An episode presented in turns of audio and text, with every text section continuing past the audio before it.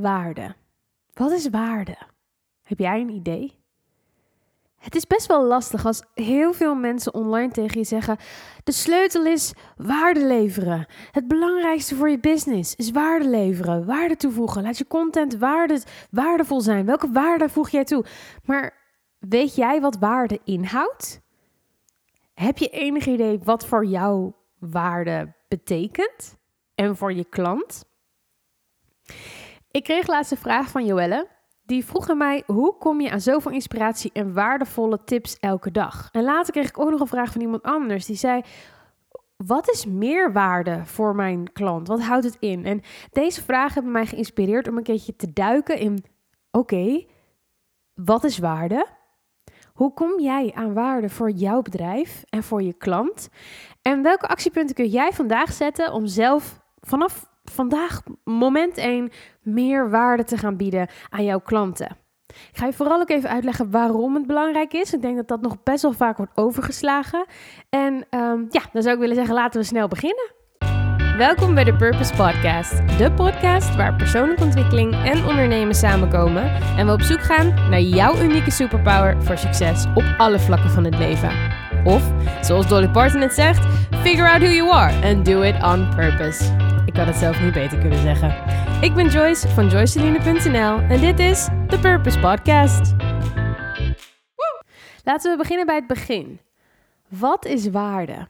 En wat is waarde in welke setting? We kunnen spreken over waarde in twee situaties. Of je hebt nog geen klant en je gaat waarde geven om een klant te krijgen. Heel veel ondernemers, coaches proberen dat ook aan je te vertellen als ze zeggen: voeg waarde toe. Voeg waarde toe voor het verkrijgen van klanten.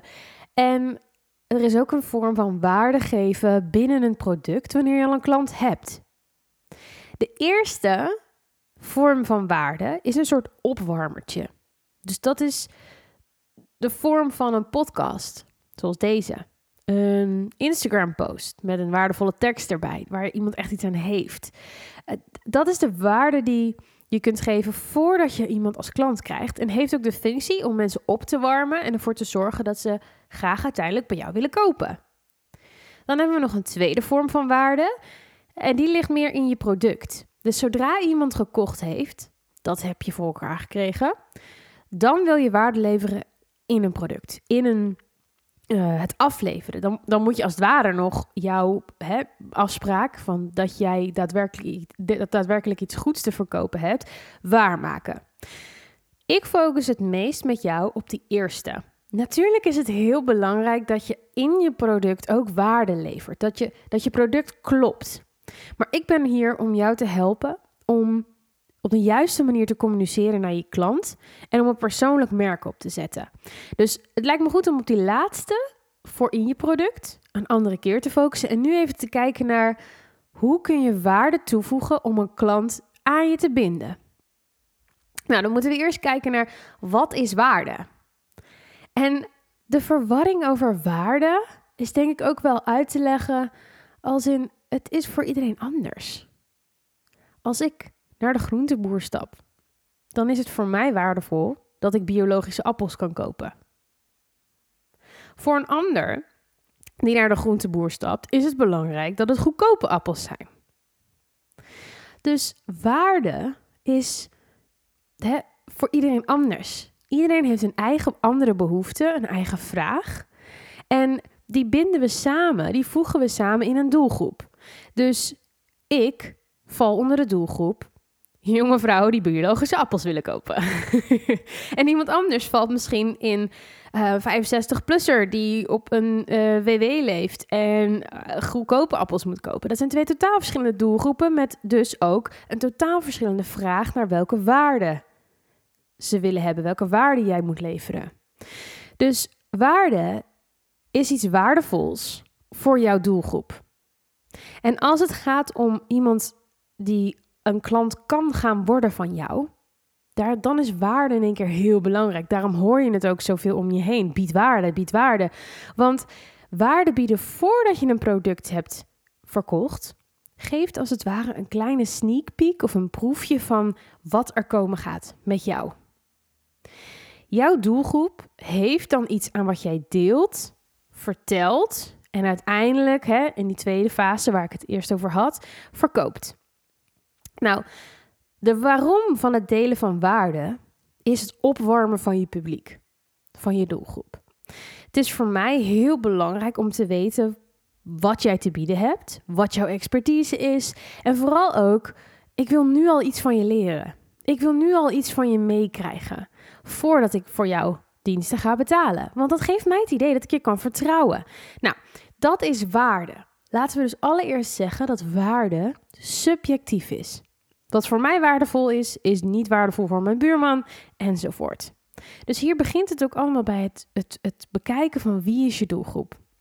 Nou, als we gaan kijken naar hoe kom jij ik kan natuurlijk nu niet één op één met jou praten en kijken wat is jouw bedrijf precies. En dat is ook het mooie van onze coaching die ik aanbied. Want daar heb ik wel tijd en ruimte voor. Maar ik kan dat nu niet doen. Dus ik ga even aan de hand van een, een situatie je uitleggen hoe jij in jouw bedrijf vandaag aan waarde kan komen. Laat me je deze vraag stellen. Als jij wilt weten wat een vriendin van jou, een goede vriendin van jou, dit jaar voor haar verjaardag wil hebben hoe kom je daar dan achter? Er zijn meerdere manieren om dit aan te pakken, maar we kunnen grofweg drie opties onderscheiden. Ik ga ze even met je doorlopen. Optie nummer 1 is: allereerst koop je niet het eerste de beste cadeau wat je tegenkomt. Ik bedoel, dat doet niemand. Hè? Ik bedoel, ik, uh, ik kan wel een uh, barbecue kopen voor iemand die totaal nooit barbecued, maar dat doet niemand. Dus die, die optie slaan we even over. Je denkt er in ieder geval even over na wanneer je in de winkel staat, wat je koopt. En uiteindelijk koop je snel wat jij denkt dat het beste is. Hier gaat weinig tijd in zitten, hier zit weinig ook uiteindelijk waarde in. Want als je snel iets koopt voor iemand zonder er echt bij stil te staan, zonder dat je denkt, nou, is die vriendin van mij hier blij mee? Dan heb je weinig kans dat het ook echt aansluit. Dat is de eerste optie die je kunt pakken. Optie nummer twee is, als je er net iets meer energie in wil steken, dan denk je bij jezelf, wat zou ik leuk vinden om te krijgen? En baseer je jouw keuze voor het cadeau op die vraag aan jezelf. Ik herken dit wel dat als ik iets voor een vriendin zou uitzoeken, dan zou ik nadenken: oh, wat zou zij leuk vinden? Maar ik koop ook stiekem best wel vaak dingen waarvan ik denk dat zou ik zelf ook leuk vinden als ik in haar schoenen stond. Dan vul je het als het ware voor je goede vriendin in. Maar als je het echt goed wil doen, dan kies je voor optie 3. Want dan vraag je het de persoon zelf. Nou, je voelt het misschien al wel aankomen. Misschien heb je het haar al wel eens horen zeggen in een van jullie gesprekken. Of weet jij gewoon het perfecte cadeau omdat je het hebt gehoord van haar eerder. En misschien, als je dat niet weet, moet je wel vragen naar een verlanglijstje. hey, Voel je me aankomen? Bij welke optie van de drie die ik je nu verteld heb, heb jij het idee dat je de grootste kans hebt om iets goeds te kopen? Ja, die laatste. In jouw bedrijf werkt het precies hetzelfde. Jij moet bedenken waar jouw ideale klant warm en blij van wordt. En er zijn meerdere manieren om dit te doen. En elk van hen heeft hun eigen graad aan energie die je erin moet steken. Optie nummer 1 is zoiets als je kunt snel een post maken, die op Instagram knallen en dan hopen, fingers crossed, dat er iemand op afkomt. Het kost je weinig tijd, kost je weinig energie, maar als we eerlijk zijn, dit soort dingen leveren vaak ook heel weinig op. Bij optie 2 kun je voordat je de volgende stories maakt even stilstaan bij wat je zelf leuk vindt om te zien. En je weet dat je dan in elk geval bij de mensen die dezelfde interesse hebben als jij ongeveer iets maakt wat mensen tof vinden. Je staat er echt even bij stil. En je staat er dan bij stil wat jij leuk vindt.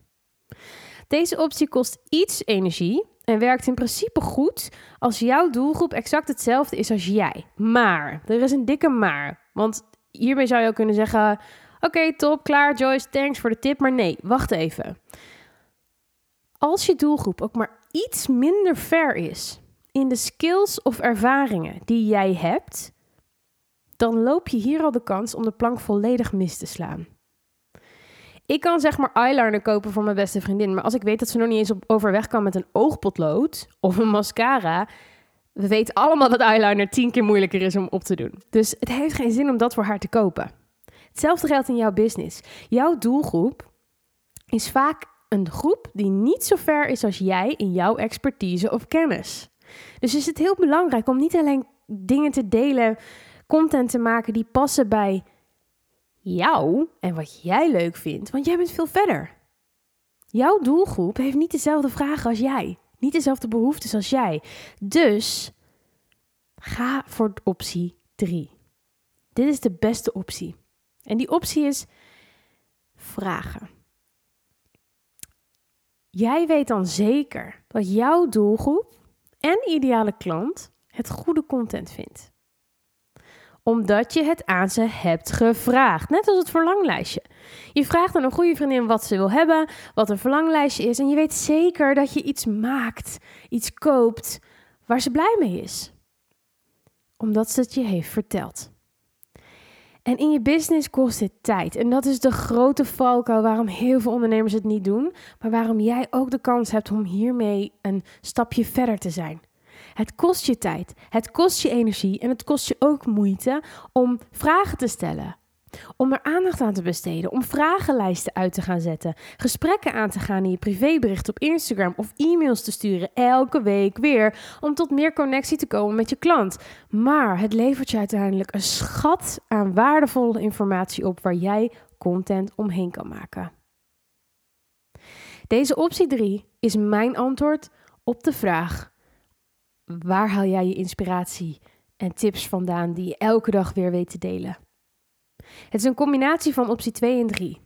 Om heel eerlijk met je te zijn, het is niet dat ik alleen maar de laatste en de beste optie gebruik. Ik gebruik ook optie 1 af en toe. En ik gebruik ook optie 2 in afwisseling met optie 3. Je kunt optie 2 bijvoorbeeld succesvol gebruiken door stil te staan bij wat jij hebt moeten leren. Dan kijk je dus inderdaad naar wat vind ik leuk, wat zou ik willen delen en wat vind ik interessant om te zien. Maar daarvoor moet je wel even graven in jouw eigen opgedane ervaring. Bijvoorbeeld, ik wist vroeger niet zo goed het verschil tussen branding en marketing. Ik weet dat nog, dat ik dat toen nog niet wist, doordat ik gegraven heb in de drempels die ik zelf heb moeten overwinnen om te komen waar ik nu sta.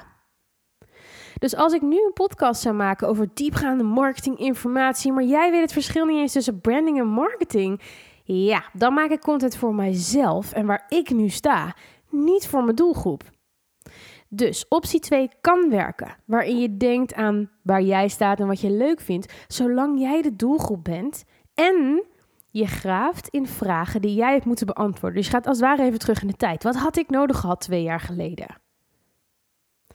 Dan werkt optie 2 heel goed en dat doe ik nog regelmatig. Maar ik moet wel zeggen dat optie 2, dus wat ik net zei, hè, het zelf stilstaan bij welke content is waardevol voor mijn klant ik kan die beter uitvoeren omdat ik optie 3 al een keer gedaan heb. Ik heb vragenlijsten gestuurd.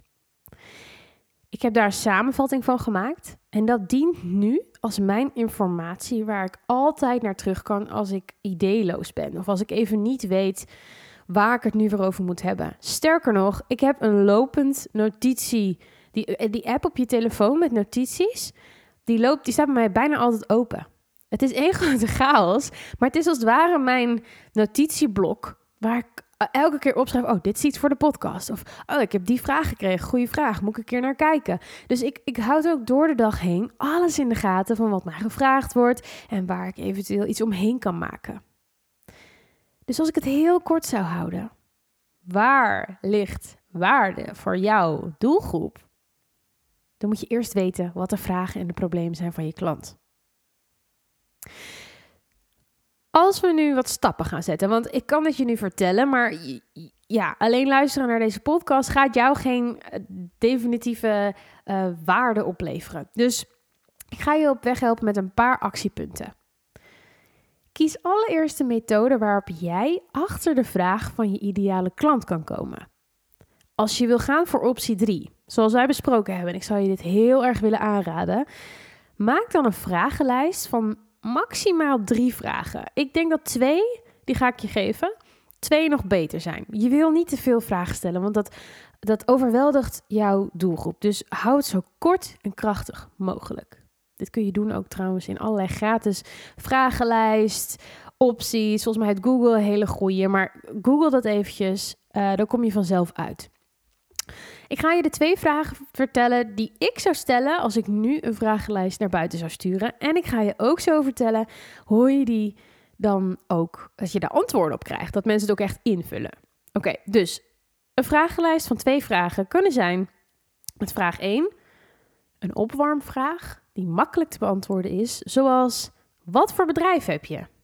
Dat geeft je een beetje een idee van hè, wat is mijn doelgroep? Jij zou kunnen zeggen, als je, als je niet voor ondernemers werkt, zou je kunnen zeggen: stel je bruiden als doelgroep goh, wat voor bruiloft heb jij? Dan krijg je een beetje een idee van hun stijl, van misschien wanneer ze trouwen. Daar kun je een beetje specifiek uithalen wie geeft welk antwoord. Dus vraag 1 kan een mag een makkelijke vraag zijn, zodat iemand snel wat kan beantwoorden en denkt: Oh, deze vraaglijst is makkelijk, laat ik nu doorgaan naar vraag 2. En vraag 2 is dan je hamvraag tussen aanhalingstekens. Dit is de meest waardevolle vraag die je iemand kan stellen. Namelijk, als je moest kiezen, wat is dan het grootste vraagstuk waar jij nu tegenaan loopt binnen en vul dan jouw expertise of doelgroep in? Dus ik zou kunnen zeggen, als je moest kiezen, wat is dan het grootste vraagstuk waar jij nu tegenaan loopt binnen het krijgen van klanten? Of misschien iets breder nog, wat is dan het grootste vraagstuk waar je nu tegenaan loopt binnen je onderneming? Je kunt zelfs, als je denkt al, um, Stel dat je al wel eens wat reacties hebt gehad hierop en je wilt testen voor welke categorie, welk probleem de meeste stemmen gaan. Of je doet bijvoorbeeld, je kunt dit ook uitvoeren in je Instagram stories, is minder accuraat omdat je dan niet specifiek een doelgroep aanspreekt, maar al je volgers. Maar dan zou je ook een multiple choice kunnen doen. Dan zou je dus ook kunnen zeggen, uh, wat is het grootste struggle in jouw uh, onderneming? Dan zou je kunnen zeggen marketing, dus klanten krijgen, uh, focus of branding, ik zeg maar wat. En dan kun je dus iemand laten kiezen tussen drie opties, zodat jij, ja, nou ja, dat heeft zijn voor- en nadelen, um, maar een beetje inzicht krijgt in de categorieën die jij ze geeft. Open vragen kunnen ook, geeft je ook meer informatie, want een open vraag laat je zien met welke woorden jouw doelgroep praat. Stel, mijn doelgroep zou zeggen: Ja, ik vind het gewoon um, heel erg lastig om mijzelf te laten zien. Dan ga ik niet tegen ze zeggen: Jouw online zichtbaarheid kan beter. Nee, dan ga ik natuurlijk in mijn marketing zeggen: Vind je het moeilijk om jezelf te laten zien? Want dat zijn letterlijk de woorden die zij hebben gebruikt, waardoor ze zich herkennen in mijn verhaal. En daarom wil je ook vaak open vragen stellen, zodat je precies kunt horen en luisteren wat jouw doelgroep voor woorden gebruikt en die dan zelf weer kunt hergebruiken. Nou, als je deze vragenlijst hebt gemaakt, dan ga je hem delen met de volgers die je nu hebt. Belangrijk is om de vragenlijst alleen te laten invullen door jouw ideale doelgroep, anders heb je er natuurlijk helemaal niks aan. Zeg bijvoorbeeld op Instagram, LinkedIn, waar je ook zit: Voor alle moeders die weinig tijd hebben, heb ik deze vragenlijst opgesteld. Alleen al door even te noemen voor wie je deze vragenlijst hebt gemaakt, filter je de mensen die reageren en weet je ook zeker dat je de juiste antwoorden krijgt. Oh, en zorg dat je aan het invullen van de vragenlijst een beloning hangt. Zo heb ik eens drie gratis coaching sessies verloot onder mijn volgers die mijn vragenlijst hadden ingevuld en haalde ik meer dan 100 waardevolle reacties op met die vragenlijst. En ik deed ervaring op door die coaching sessies te houden, waar ik ook weer informatie uit haalde, want ik kon vragen stellen en ik kon erachter komen waar zij tegenaan liepen en nou ja, win-win-win zou ik zeggen. Ik wil je aanmoedigen om deze methode gewoon te jatten, te hergebruiken. Ik heb er geen patent op. Het is niet, niet een heel uniek systeem. Het, ik hoop gewoon dat het jou kan helpen om inzicht te krijgen in wat waardevol is voor je klant. Want heel eerlijk, meer dan weten wat jouw klant van jou wil horen, is waarde niet. Waarde geven is zo simpel als het weten wat mensen van je willen horen en ze het dan geven. Maar daarvoor moet je wel eerst weten wat mensen willen horen. En daar dient deze vragenlijst voor. Dus ga daarmee aan de slag. Goed, dit is het. Dit is mijn idee van waarde. Hoe jij er komt. En wat actiestappen zijn voor jou om erachter te komen wat jij gaat delen. Als je nou bezig bent met deze hele vragenlijst, je gaat hem inzetten of je wil heel even met mij vragen oké, ik, ik, ik wil dit gaan doen, maar ik weet niet hoe, of je loopt ergens tegenaan. Voel je vrij om vragen te stellen in de privéberichten van Instagram. Misschien heb je me al wel eens gesproken, misschien nog niet, maar ik sta erom bekend om zoveel mogelijk. Mijn privébericht op Instagram heeft bijna een prioriteit over mijn inbox, over mijn e-mail. Dus als je ergens tegenaan loopt of je wil juist laten weten hoeveel reacties je hebt gehad op een vragenlijst die je eruit hebt gestuurd. Ik wil heel graag van jou horen hoe je deze podcast in actie gaat zetten, zodat ik met je kan connecten. Dat vind ik uiteindelijk het allerbelangrijkste. En als jij hier iets aan hebt gehad, dan is mijn vraag ook bijna elke, elke podcast weer hetzelfde. Deel het met de mensen waarvan jij denkt dat het van waarde kan zijn. Hè? Van waarde, knipoog. nee, maar het is mijn doel om uiteindelijk zoveel mogelijk vrouwen bij elkaar te krijgen die een tof merk en een tof bedrijf gaan opzetten en antwoorden vinden op de vragen waar ze nu nog mee struggelen. Dus als jij, net als ik, kan helpen om antwoorden te geven aan andere vrouwen op vragen, dan kan het zo simpel zijn als deze podcast delen in je stories. Tag mij erbij, kan ik jou weer delen, is het hele cirkeltje weer rond. Oké, ik hoop dat je heel veel in deze podcast hebt gehad. Nogmaals, laat het weten in de privéberichten als ik je ook maar ergens verder mee kan helpen. En dan spreek ik jou heel snel weer. Bye friends!